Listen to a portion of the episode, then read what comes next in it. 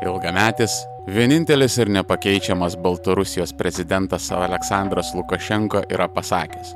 Tada 90-aisiais mitinguose, gatvėse ir aikštėse, dėja ir pas mus parlamente, mes sunaikinome savo milžinišką imperiją, be kurios nesisprendė nei vienas klausimas pasaulyje. Mes gavome krūviną tos imperijos galūnę. Valstybės yra statomas ant mitų ir pasakojimų. Lukašenkos mitas yra apie tai, kad Baltarusija yra paskutinis Sovietų sąjungos likutis. Išsaugotas, išpuoselėtas ir užaugintos to paties vienintelio ir nepakeičiamojo Batkos. Baltarusija vis dar naudoja savo komunistinės praeities simboliką. Jos miesto aikštėse stovi paminklai Leninui saugus ir neliečiami. Aleksandras Lukašenka ypatingai didžiuojasi išsaugotais kolūkiais ir sovietiniais pramonės gigantais. Jis niekada nepraleidžia progos pasigirti žemų nedarbo ir nusikalstamumo lygių arba švariomis gatvėmis. Pasiklausant Lukašenkos ir jo aplinkos susidaro įspūdis, jog Baltarusija yra šilta, idiliška, Brežnevo laikų ramybę menanti klestinti valstybė. Bet ar tikrai taip yra?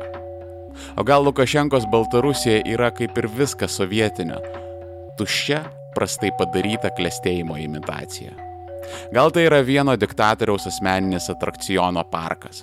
Valstybės dydžio Potiomkino kaimas, kuriame už gražių fasadų išsekę valstiečiai lenkia prievaizdų botagais iškrūvintas nugaras, kad labai siaura grupelė bolševikų galėtų smagiai leisti laiką ir žaistų savo šampaninio socializmo rolinius žaidimus.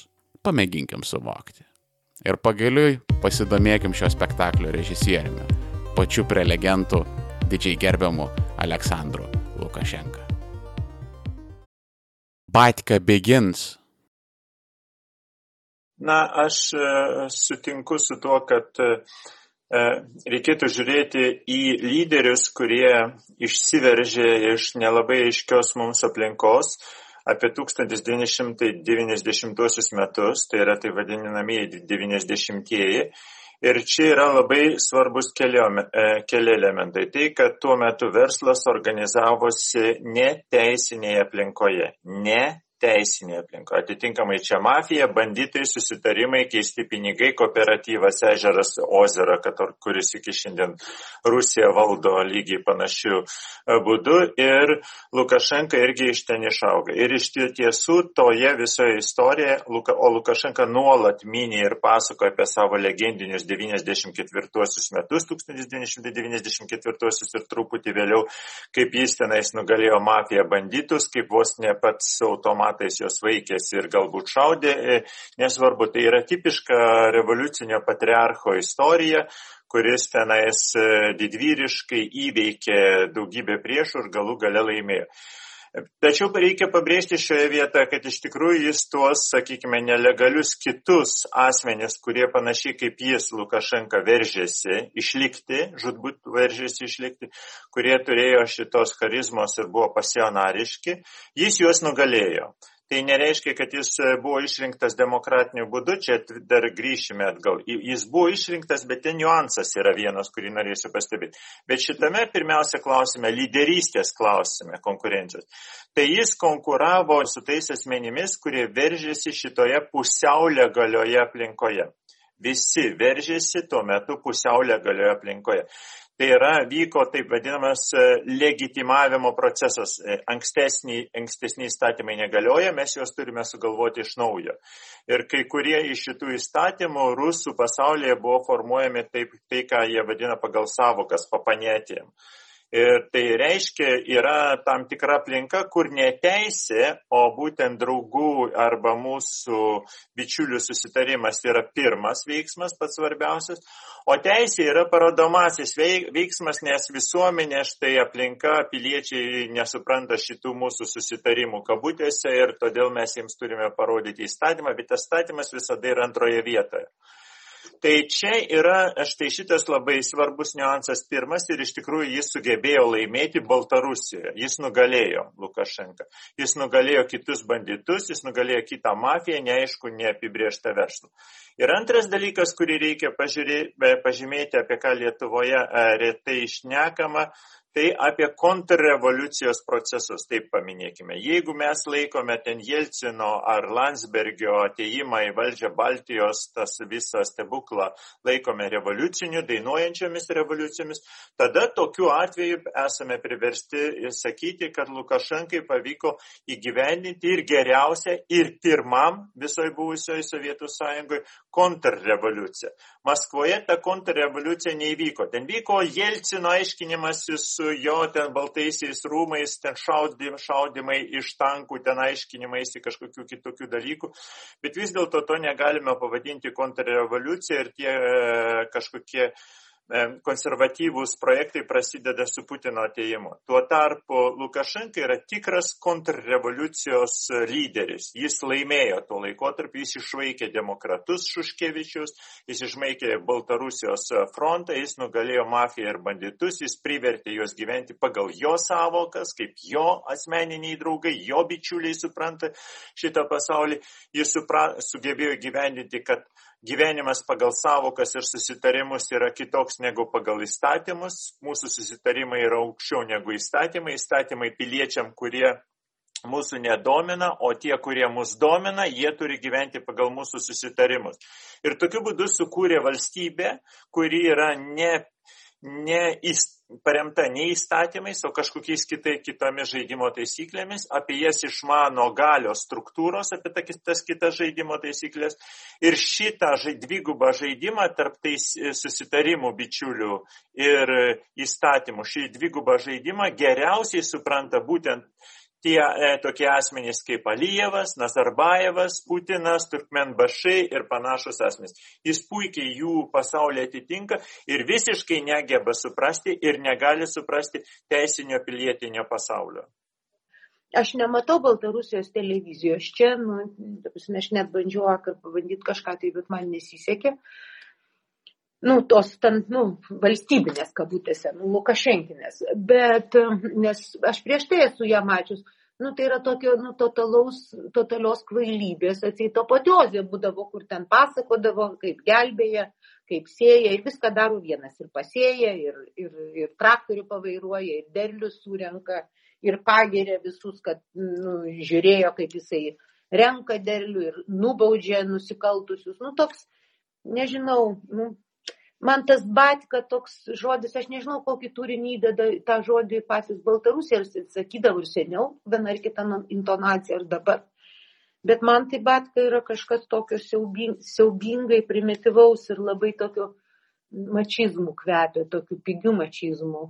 Taip, visas tas, tas chaosas Baltarusijoje buvo labai stiprus ir ant, būtent ant kovos su korupcija išlindo vieno iš kolhozų direktorius buvęs istorijos mokytojas Aleksandras Lukašenka, nes jis buvo stiprus kovotojas prieš korupciją ir dėl to patiko žmonėmis.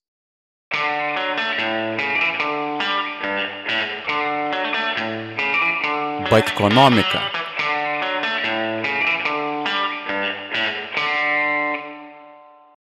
Kai paskutinį kartą buvau, tai buvo kokie, nežinau, 2014-2013 metai, kai, tai na, ilgiau buvau, nes aš vienai dienai buvau, žinai, dar važiavus. Tai jo režimas atrodė absurdiškai visi, visi suprato, kad jis yra a, absurdiškas. Jisai, jisai na, turėjo tą tokį tvyrantį absurdo jausmą, kada tu, tu nukeliauji į, į tą viešąjį tualetą ir ten dirba du žmonės nes e, šaly negali būti padaug. Ir ką tai tai? Nu, ar, ar, ar, ar tame yra prasmės? Ne, nėra prasmės. Tai Sovietų sąjunga buvo pagrįsta kažkada tais Maxi projektais. Tengi, kai jie uh, Belamor Baltisko kanalą darė, ten patį didžiausią reikėjo, pasižiūrėjo, kad pas vokiečius yra, reiškia, ten prie Kilio kanalas, tai mes tai jie padarys dvigubai didesnį ten šimtus tūkstančių žmonių pražudė, žinai, viet savo politinių kalinių, žinai, tam iš, iš, iškast.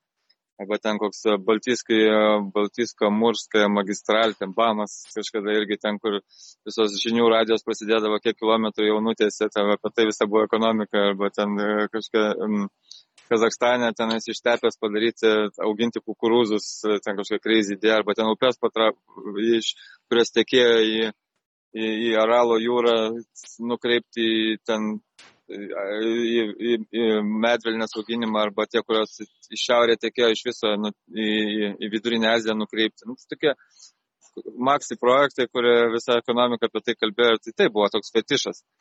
Tarp kitko, turbūt čia visos, visos tos tokios totalitarinės valstybės yra tokios labiau linkusios į tos maksi projektus, nes tokie jeigu pažiūrėjus, kinai irgi mėgsta ten, pa, ten didžiausią pasaulio ten hidroelektrinę, tenais, ar ten didžiausią pasaulį saulės elektrinę dabar, nu, tai ok, kad saulės, bet kad bet tokie masai ten turi būti būtinai pati didžiausia pasaulyje ir dar pandos formas, žinai, kad iš kosmoso matytus.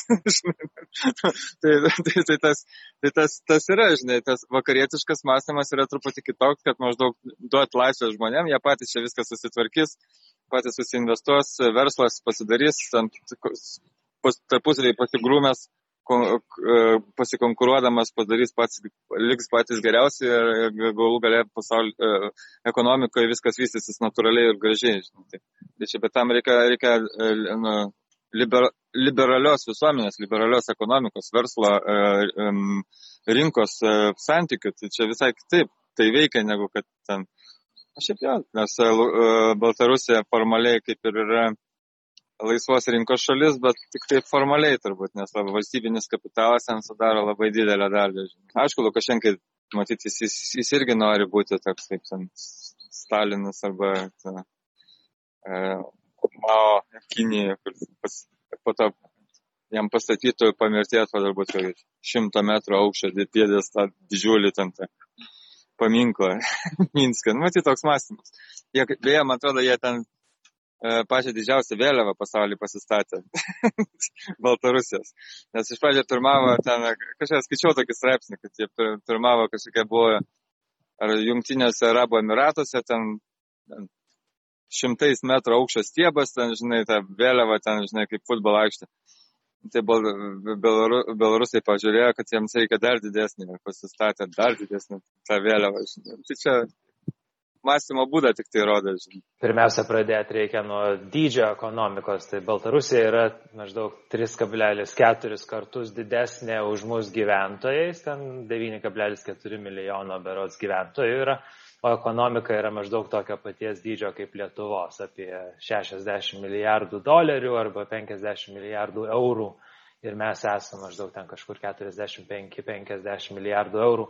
Tai vienu žodžiu, vidutinis Baltarusis gyvena tris kartus skurdžiau negu vidutinis lietuvis. Karo pramonės potencialas Baltarusijoje jis niekada nebuvo stiprios, nes e, nu, nėra resursų. Prasme, visi, visi resursai, kurie suko Baltarusių, Baltarusių ūkį, tai buvo susiję ir su, su žemės ūkiu. Aišku, tas didžiulės investicijas iš e, sovietinių laikotarpių, e, kaip ten e, naftos perdirbimo įmonės, e, ar ten e, didžiuliai tos autopramonės įmonės, nu, jie buvo vis tiek jų pagrindas tai arba svetimos technologijos, arba, arba svetimi resursai. Viskas, viskas šitas yra, yra susijęs su tas parčia Baltarusijos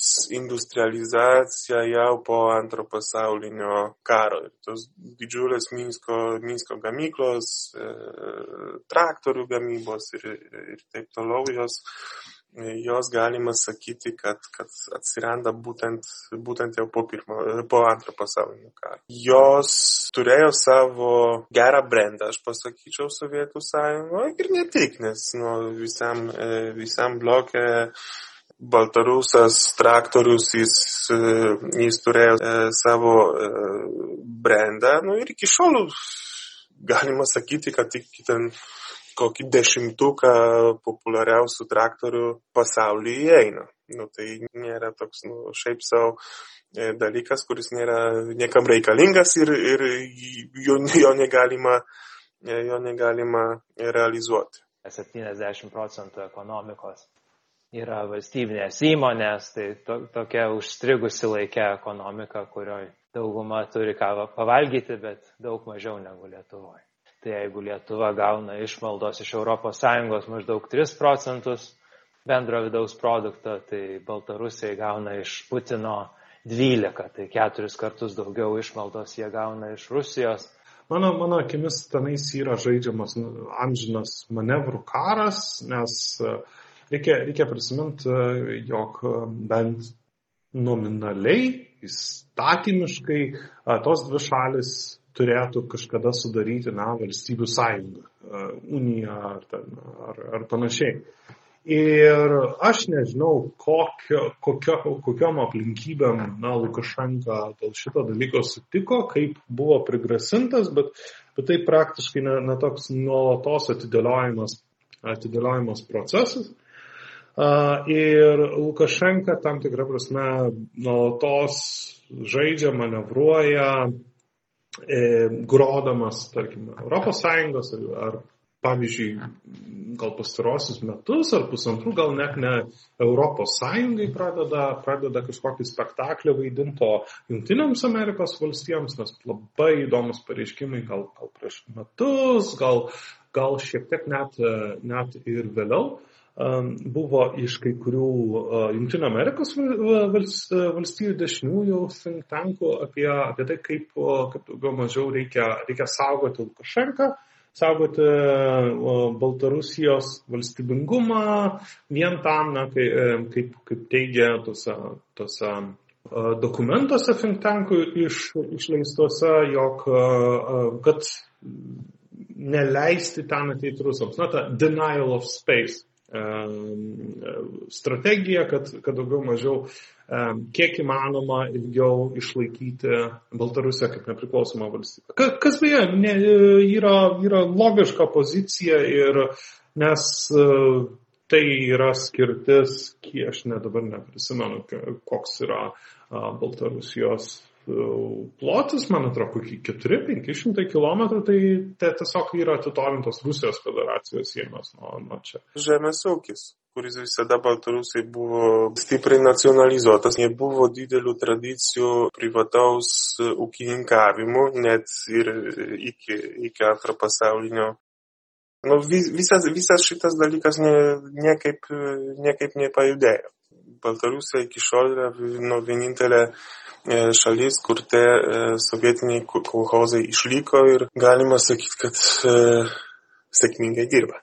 Tai klausimas būtų, ar turi pereiti per kažkokią tai postkomunistinę skaistyklą Baltarusijos ekonomiką, kad jinai paskui taptų vakarietišką ekonomiką ir jie iš viso to norėtų. Tai aš manau, ta postsovietinė tranzicija buvo dvigubai bloga dėl, dėl tos priežasties, kad birėjo tiek eksporto rinkos, tiek ta privatizacija buvo vykdoma tuo pačiu metu. Tai kai mes a, išėjome iš Rusijos, ne, nežinau kiek ten procentų mūsų eksporto eidavo į Rusiją, bet turbūt dar daugiau negu Baltarusijos. Ir tuo metu, kai mes privatizavomės, tai Rusija irgi buvo ganėtinai sugriuvusi.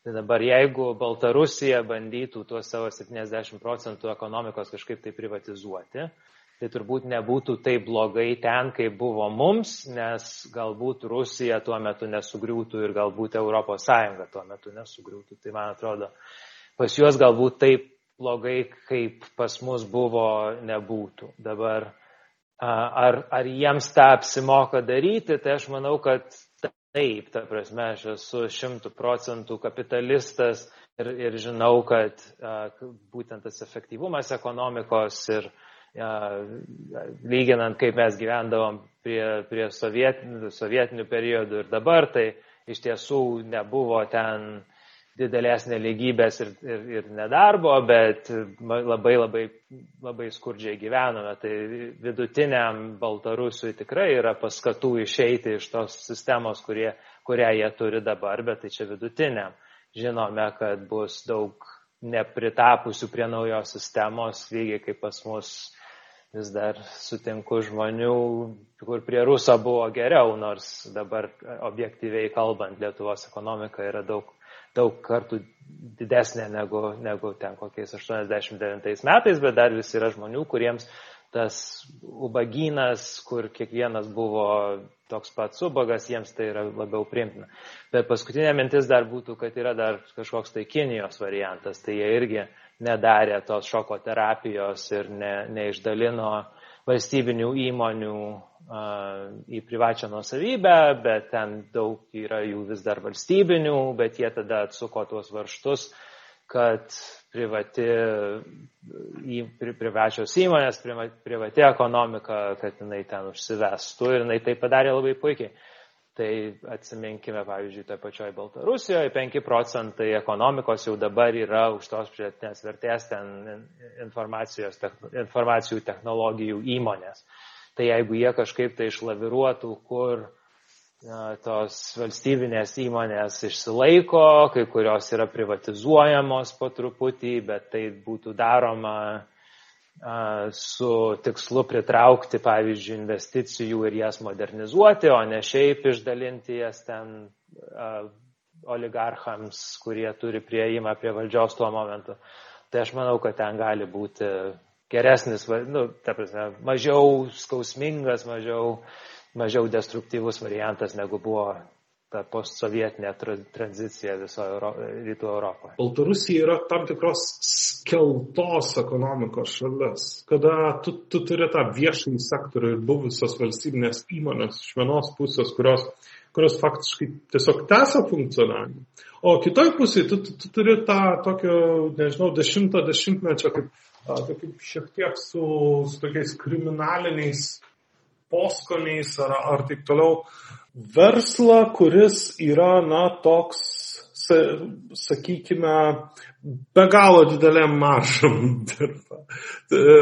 Ir, tarkim, ten ir atlyginimai be galo skiriasi priklausomai nuo to, kuriam sektoriui tu dirbi. Jeigu tai yra viešasis, tai tavo atlyginimas bus, bus be galo mažas. O jeigu ten, kur prasideda visokios statybos, visokia mediena, viso, visokie ištekliai, ištekliai na, nuo kurių yra priklausoma ekonomika ir kur galima manipuliuoti tuo.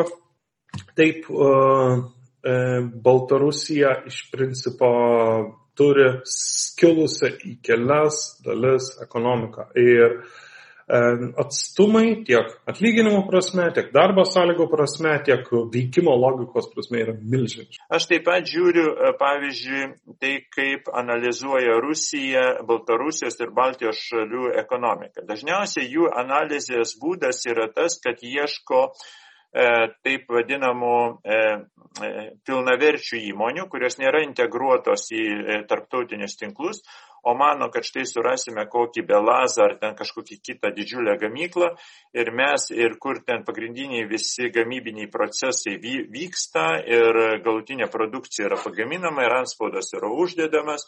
Ir tada mes sakoma, o štai yra, štai šita ekonomika yra E, pakankama, ji yra vertinga ir, žodžiu, kažką tai iš jos galima išspausti, nes iš šitų integracinių tinklų net nelabai suprantama, ką iš jų galima turėti, ką, ką, tu, ką, ką tu gali turėti. Nors, pavyzdžiui, patys Baltarusiai tiek tuo metu, kai dar e, investavo į IT technologijas, tai yra skaitmeninės technologijos, kaip ir Lietuva kažkada investavo į skaitmeninės technologijas, aptiko, kad labai daug galima uždirbti, net dar daugiau nei iš e, šitų skaitmeninių technologijų, nei gaminant kokius nors mazus ar kamazus. Tik tai, e, tik tai vienas niuansas e, šiuo atveju, kuris kuo skiriasi, pavyzdžiui, Baltarusijos IT, tai, tai vadinamas skaitmeninių technologijų įmonės ir Lietuvos skaitmeninių, kad Baltarusijoje, e, aš galiu klysti, žinoma, bet mano toks įsivaizdavimas iš to, ką suskaičiu, kad jie džiaugiasi apskritai dalyvaudami šitame, dar, pasidalyjant darbą ir gaudami darbą ir pasikviesdami vienas ar kitas, ten Panda, Dok ar kitas įmonės. Bet e, problema yra tokia, kurią e, ten Lietuvoje IT technologijų tyrimai rodo, kad viskas dar priklauso nuo tai, to, kokio lygio technologinės pas, paslaugas tu sukuri. Ar tu, pavyzdžiui, e, mano sunus užsiema programavimu ir tam, kad jis, žodžiu, programuotų kažką, tai vietoje to, kad pats tai darytų, labai dažnai samdosi darbuotojas Indijoje, nes jam, žodžiu, tas užsakym, jam neapsimoka sugaišti to pusvalandžio, todėl kad jo valandos kaina yra ten dešimt kart didesnė nei Indijos programuotojo kaina. Todėl jis akimirksniu permeta užduotis į Indiją, todėl kad jiem neapsimoka programuoti Lietuvoje, toks yra darbo pasidalymas. Tai vadinasi, visi kovoja už aukštesnį technologinį statusą ar galimybės, nes pinigai yra kuo aukščiau, tai tenais kokie, kokie, kuo svarbesnius algoritmus, kurie arba kuo tavo įmonė yra tiesiogiai konkurencinga.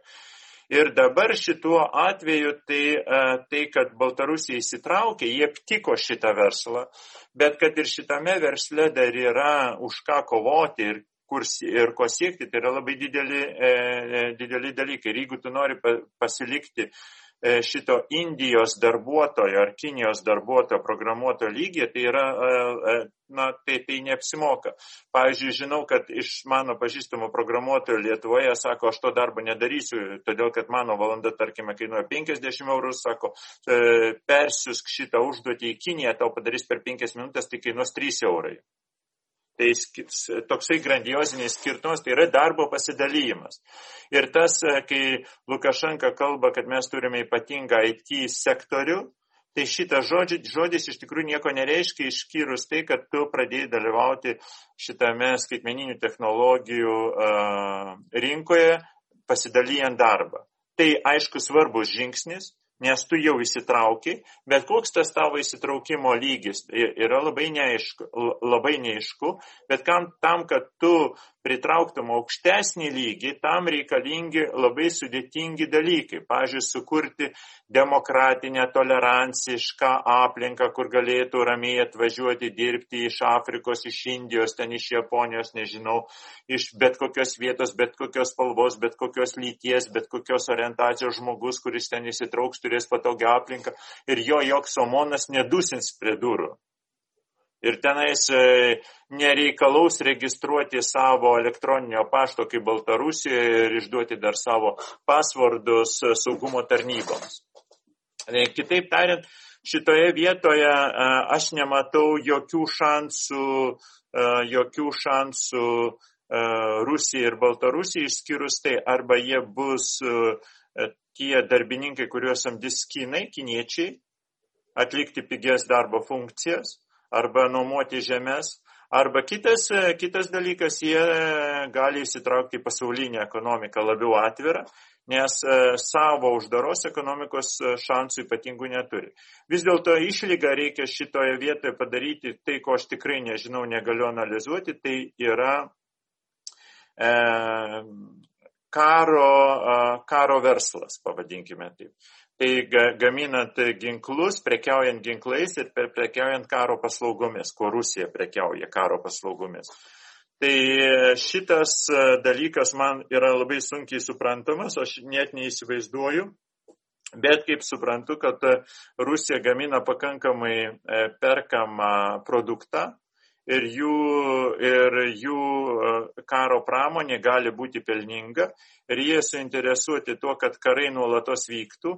Netgi šitas Azerbaidžano Armenijos karas jiems gali būti įdomus ir tuo, kad Azerbaidžanas pirks daugiau karo technikos.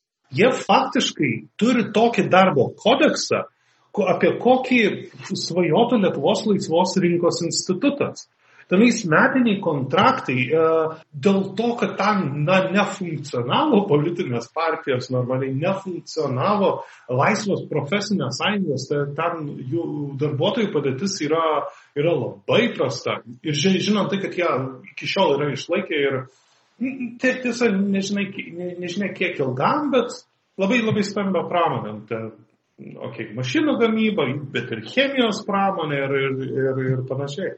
Čia, čia yra esminis dalykas ir apie šitą, šito dalyko tam tikrą prasme, kad kartais Lietuvoje nepagauna.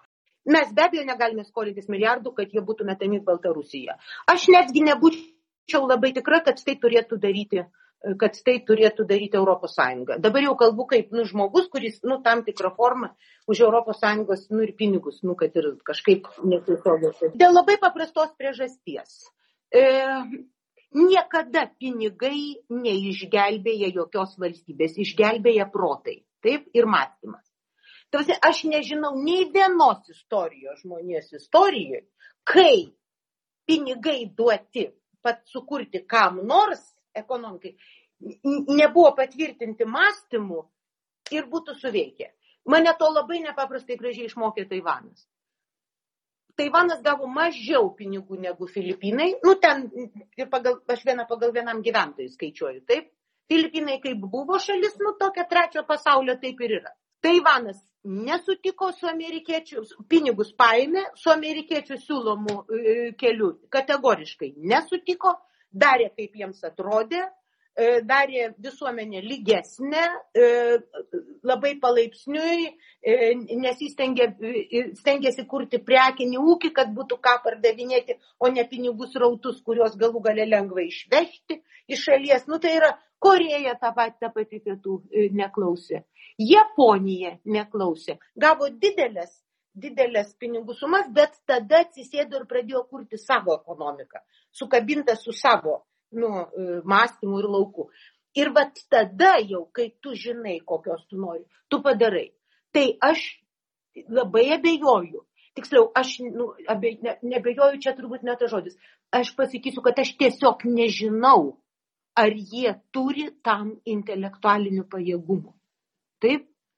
Ta prasme, nes e, e, tas institutas, kuris čia sėdėjo Vilniuje, taip, Man toks įspūdis buvo sausau, žinant ir korupcinės bylas, ir ten skaičiau knygų, ten prisiminimų iš tos istorijos. Man tas institutas nesukūrė labai didelio. Labiau panašu buvo į pinigų plovyklą europinių, nu, kur atseit prisidengus demokratijos kūrimu. Galiu būti neteisi, bet taip po panašiai taip atrodė. Ir netgi ten, nu, sakau, vieno vokiečio, kuris ten ilgai dirbo knygą, skaičiau, tai ten momentais yra ir juokinga, ir graudu, ir, ir, ir juokas įma. Tai yra, nu, toks revoliucionierių kalvė, kur geriausiai uždirba tas, kas direktorius. Taip, tai čia, čia, čia nekelias. Tai, tai turėtų būti, va, aš iš vis manyčiau, kad geriausia, geriausia parama būtų turbūt grinai istoriškai geriausia parama kiekvienai valstybei, protingiausius jos vaikus susirinkti ir išvežti į užsienį mokytis ir po to liep grįžti namo.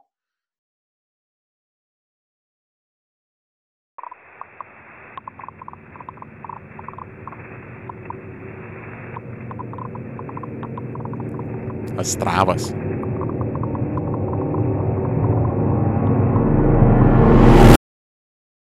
Iš tikrųjų, galimybės, kad įvyks avarija, nėra tokios didelės, kaip kartais atrodo pasiskaičius e, nu, šitam e, straipsnius ar, ar, ar, ar, ar politikų pasiklausus. Nu, tai aišku, kad jinai yra ta galimybė, bet jinai, jinai tikrai yra labai labai labai nedidelė ir tos avarijų tokių didelių, kad nutekėtų radiacija, E, pasaulyje galima ten skaičiuoti ant vienos rankos pirštų. Žinai, atominė elektrinė yra tenais, kiek aš pamenu, ten 400 kažkiek tai panašiai pasaulyje. Tai, e, tai tikrai tos galimybės nėra tokios, ta rizika nėra tokia, kad nu, tai panikuoti ir dėl to čia kažkur tai bėgti ir, ir, ir taip. Bet, bet aišku, tai yra e, kaip kaimininių šalių santykiai nuo to pablogėja, nes nu, tau pastato pavojingą objektą prie, prie šalia ir nu, kad ir kokia ten bebūtų ta tikimybė, bet, bet jinai yra. Tai dabar jeigu kalbant apie avarijas, nu, tai čia, čia tokie daugiau katastrofiniai modeliai, vėl aš prieš tai pasakiau, kad taip smarkiai nebijotų žmonės, bet e, yra labai labai labai nedidelė tikimybė, kad, e, sakykime, yra nedideli nutekėjimai.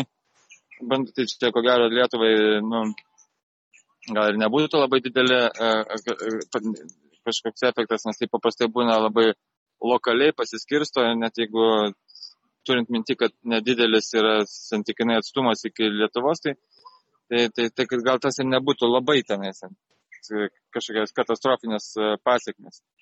E, yra galimybė užteršti nerį, e, bet ten vėl čia reikia žinoti, kad neris um, tas vanduo, kuris aušina atominę elektrinę, jis, jisai nepatenka į nerį. Šiaip e, jisai yra tik tai paimamas iš neries ir tenai sukamas ratu, kol išgaruoja, prasme, nėra atgal į nerį tekimas, jisai, jisai nuima nuo neries vandenį. Čia atsiranda kita problema, ten, kad to nerį vandens trūksta ir dabar trūks dar labiau. Bet, sakykime, jeigu vyksta vietinė kažkokie tai vietiniai nutekėjimai, vietiniai išsileimai, kas, sakau, labai labai maža galimybė, tai tas vandens perteklius gali patekti į gruntinius vandenis, tenais jau astravė iš to gruntinių vandenų į nerį ir tada nerim atitekėti iki Vilniaus. Tai čia turbūt tas tokio vietinio masto didžiausia rizika galėtų būti.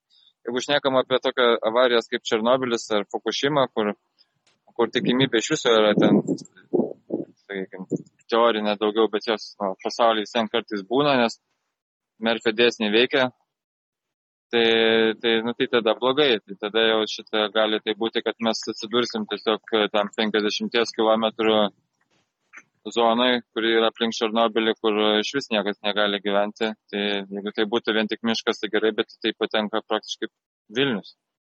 Ir Tai jau čia, tada, nu, tai būtų jau toks geopolitinio masto katastrofa, ypač Lietuvai. Bet sakau, bet čia toks daugiau, nu, tai, tai gali būti, mes tai, tai, tai suprantame, bet uh, greičiausiai to nebus. Pirmiausia, šiuolaikinės ekonomikos yra globalios.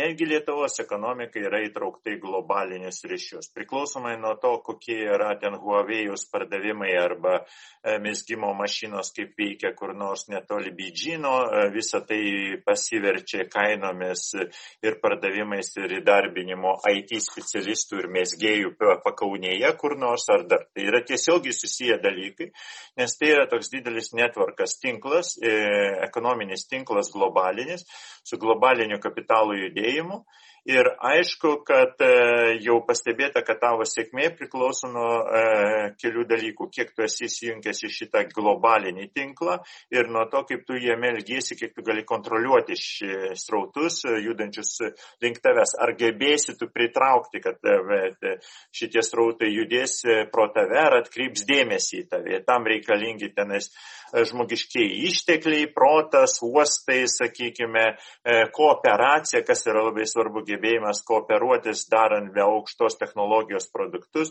Ir, pažiūrėjau, kada kalbame apie COVID ar kitus dalykus, tai būtų naivu, kad lietuviai kurtų savo vakciną, tai tikras būtų idiotizmas lygintinas tik tai su Šiaurės Korejos ar dar kitų. Bet jeigu tu gali ten į kokį nors tyrimą kartu tenais įjungti su tenais Müncheno ar kokį ten, nežinau, ten Frankfurto prie Maino, Paryžiaus ar Londono tenais e, universitetais ir kampanijomis ir prisidėti mikro veiksmų prie šito didelio proceso, tai ir yra tavo laboratorijų sėkmė. Tai tu kitą kartą nusipirksi brangesnį e, tenais kokį e, ten, e, ar lazerinį kažkokį tai kompiuterį ir kitą įrangą, kuri ten galėsi vykdyti savo tyrimus ir dar daugiau uždirbs ir labiau tenais bendradarbiausi. Tai yra šitos technologijos nesivysto ir nedaromos atskirai. Aš dabar atsimenu vieną Rusijos projektą. Rusijoje manoma priešingai. Rusijoje įsivaizduojama tai, kad galų gale netgi atsiskirsime ne tai, kad nuo Ukrainos, kuri bendradarbė. Bet mes atsiskirsime dabar ir nuo Baltarusijos, kurie irgi idiotai dirbsim, ir nuo jų atskirai. Mes tapsim kaip Albanija, bet labai didelė ir šita Albanija bus sėkminga. Tai žinoma, kad yra nesuprantamas elgesys, ekonominių e, požiūrių nesuprantamas, vedantis daugelio ekonomistų požiūrių ne tai, kad ilgalaikių, bet vidutinės trukmės žvilgsnių į katastrofą. Ir vienas iš pavyzdžių yra e, top internetinė paieškos e, sistema Sputnik kurie Rusijoje kūrė kurį laiką, kurį ten turėjo nurungti ir Yandeksą pakeisti ir žinoma išstumti Google ar kitas e, paieškos tenais sistemas. Ir tas Sputnik, žinoma, būtų valdomas per KGB, FSB, ten dabartinius ir, žodžiu, jie ten galėtų sekti ir tenais pakliūti į Huawei ir su Huawei ten pasklysti pasaulį ir ištirti visus amerikonus, ką jie tenais kalbas ir ko jie tenais nori, žodžiu, toks globalis. Į tą dalyką sukišo apie porą milijardų e, dolerių ir e, prieš panašiai porą savaičių paskelbė, kad jie uždaro šitą projektą kaip bankrutavus ir visai nesėkmingą. Ir jo nesėkmė yra paaiškinama tuo, kad Rusijos IT specialistai vieni patys, nekolaboruodami su pasaulio specialistais, jau nebėra pajėgus išspręsti štai tų, šitų visų klausimų ir nebėra pajėgus sukurti jokios alternatyvios sistemos. Dar vienas iš pavyzdžių, kadangi Baltarusijos kibersaugumas yra visiškai integruotas į Rusijos kibernetinį saugumą ir dar daugiau, iš to, ką analitikai rašo tose šalyse, Baltarusijos kibersaugumas yra aukštesnio lygio negu Rusijos kibersaugumas. Tai dabar įsivaizduokime, kai mes matome Baltarusijos kiberpartizanus, kurie ten nulaužinėja jų programas viena po kitos kiekvieną dieną, įsilaužinėja į visas jėgos struktūras ir išdarinėja labai daug dalykų, kuriuos tik nori, apie kokį čia lygį, kokį kibersaugumo jų galima daryti. Aišku, kad tie Baltarusijos partizanai veikiausiai yra, dirba kur nors Lenkijoje ar dar kitoje šalyje ir jie yra integruoti į pasaulio tinklus ir pasitarė su pasaulio hakeriais, kokiais nors sėdinčiais, pažiūrėjau, Turkų universitete Suomijoje ir jiems ten patarinėja saugumo specialistai. Ir jiems nulaužti tenais kažkokiu tenais vietinių KGB ir FSB darbuotojų internetinių ten specialistų sukurtas apsaugos sistemas, turbūt užima ten pusvalandį ar valandą laiko. Pirmiausia, reikia, žinoma, pasakyti, kad labai džiaugiuosi gyvendamas laisvoji šaly, kad mes čia galime eiti į kažkokį naują Baltijos kelią, parodyti savo kaimynams, kaip mes remiame jų demokratijos siekius ir panašiai. Ir ta, man atrodo, mes neturėjom kito pasirinkimo, kaip remti demokratiją Baltarusijoje. Tai aš visiškai nekvestionuoju uh, ar mes teisingai elgiamės geostrategiškai ar neteisingai remdami demokratiją Baltarusijoje. Aš manau, kad mes kito, kito pasirinkimo kaip vakarietiška, laisva demokratinė visuomenė mes paprasčiausiai neturime. Bet ko aš pasigendu šiek tiek Lietuvoje, tai yra kalbėjimo strategiškai. Ta prasme, kas ten įvyko, kaip, kuo, kuo dalykai pasikeitė. Tai jeigu prieš šitą dalyką Lukašenka bandydavo laviruoti tarp rytų ir vakarų, Pavyzdžiui, šių metų pradžioj Rusija ten nenorėjo taip pigiai jiems parduoti naftos, kaip jie buvo pripratę, tai ten buvo su amerikiečiais sužaista, kad per Lietuvą amerikiečiai tiekė naftos Baltarusijai ir panašiai, tai jie taip laviravo tarptų rytų ir vakarų. Ir dabar Lukašenka to pasirinkimo jau neturi. Jeigu jisai liktų valdžioj, tai jau tas vakarų pasirinkimas jo jau nebėra, jau jisai dabar yra pilnai Putino glėbėje. Ir tą reikia suvokti ir tada klausti, o tai ką Putinas bando pasiekti. Ir man atrodo, kad jau jisai nemažai yra ten pasiekęs. Lukašenkos jam niekada nereikėjo, jisai norėjo giliau integruotis ten tą sąjunginę savo valstybę, turi buvo gandų, kad Putino būdas išlikti valdžioje buvo uh, kad jisai taptų ne Rusijos prezidentu, o tos sąjunginės valstybės prezidentu. Tai jam ten to Lukašenkos, kuris priešinosi, nelabai reikėjo. Tai dabar Lukašenka yra labai silpnas, priklauso nuo Putino, ar jisai išsilaikys valdžioje ar ne. Ir yra ženklų, pavyzdžiui, televizijoje, ten, kur pasitraukė žmonės išėjo streikuoti, tai jau privežta iš Rusijos žurnalistų, kurie pradeda jau tą kremlinę propagandą ir kariuomenė, lyg tai saugumo struktūrose matosi, kad jau ten naudojama rusiška ekipuotė, kad ten procedūros galbūt jau pasikeitę yra, kad iš tiesų jau rusų kariuomenės vakarinė ten apskritis jau tikriausiai yra perėmusi tą komandą Baltarusių kariuomenės. Tai šiuo momentu man atrodytų, kad e, Putinas labai puikiai yra sužaidęs tą visą situaciją, kol mes čia kalbame apie opoziciją ir kokia čia buvęs prezidentas Lukašenko ir panašiai. Tai man atrodo, jau ten yra ganėtinai gerai pasitvarkyta. Ir, ir tada klausimas Lietuvai yra, tai ką mes darom dabar su ta savo saugumo situacija. Tai pirma, galbūt kažkoks tai buferis buvo tarp Rusijos ir Lietuvos dabar jau galimai to buferio nebelieka. Jau tada Baltarusija galbūt net nebūtų protestavusi, jeigu Putinas būtų norėjęs kažką su mumis čia padaryti, ateidamas iš rytų. Bet dabar jau galbūt ten visai jokio suvereniteto nelieka ir tada klausimas Lietuvai yra, o tai kaip mes atsakome iš tą pasikeitusią situaciją. Žinodami, kad NATO kol kas nesugeba mūsų apginti, žinodami, kad patys nesugebam apsiginti, ką tada mes darom ir kaip kaip mes žaidžiam tą strateginę situaciją. Tiek, kiek liečia santykius tarp Lukašenkos ir Putino, man neaišku, ar jos galima įvardinti kaip, kaip Suzereno ir Vasalo. Nes tai ne, neatrodo, kad Lukašenka taip visada, visada klauso Um, kitas dalykas tai yra visiški priklausomybės santykiai. Tai reiškia, kad Baltarusijos pramonė ir ekonomika faktiškai negali funkcionuoti be energetinių šaltinių teikiamų iš Rusijos ir uh, ilgą laiką nebuvo jokios alternatyvos. Faktiškai tik tai, uh, tik tai um, pastaraisiais keliais, uh, keliais metais uh, um, Klaipėda tapo, tapo tokiu alternatyviu, ten naftos, uh, gal net dujų, aš, aš tikrai ne, ne, nepasakysiu, bet, bet, bet žinau, kad uh, nafta retkarčiais kelia, keliaudavo ir iš Lietuvos į, į rytus. Vienu žodžiu, uh, Baltarusija ilgą laiką neturėjo jokios alternatyvos, veikiausiai iki šiol realios neturi ne, energetinio ir išteklių atžvilgių. Ką su tuo, kaip tai galima pakeisti, tai yra labai atviras klausimas ir jis yra be galo sudėtingas, nes uh, Na, tu neištrinsi geografijos. Baltarusija yra ten, ten, kur, ten, kur yra ir na, sukurti visą alternatyvę strategiją, kad ir tuo pat metu išsaugoti savo, tam, nežinau, pramonę, įmonės ir, ir panašiai, būtų be galo komplikuota. Va ir pabaigėme antrąją dalį.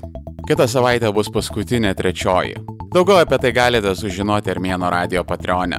Nuorodą rasite kiek žemiau aprašymuose. Ten už vieną dolerį jūs sužinosite apie ką jį bus ir šiaip būsite reguliariai informuoti apie artimiausius Armėno radio epizodus. 2 doleriai jums leidžia matyti Armėno radio turinį savaitę į priekį. Už 5 jūs matysite ne tik trečiąją baltą raudoną dalį, bet ir pilną nesukarpytą šio filmo versiją, kuri Armėno radijoje pasirodys tik už gero mėnesio. O tie Rothschildai, kurie nepagailėjo 10 dolerių per mėnesį, gaus ne tik viską, ką jau minėjau, bet ir matys pilnus šiai dokumentikai rašytus interviu, kurie viešumoje pasirodys tik gerokai, gerokai vėliau. Be abejo, prenumerata, laikas, komentaras ir pasidalinimas Armėno radijų socialiniuose tinkluose irgi labai padeda kanalui. Ačiū visiems uždėmesi, paramą ir pagalbą. Šiandien viskas. Davai. Iki kito.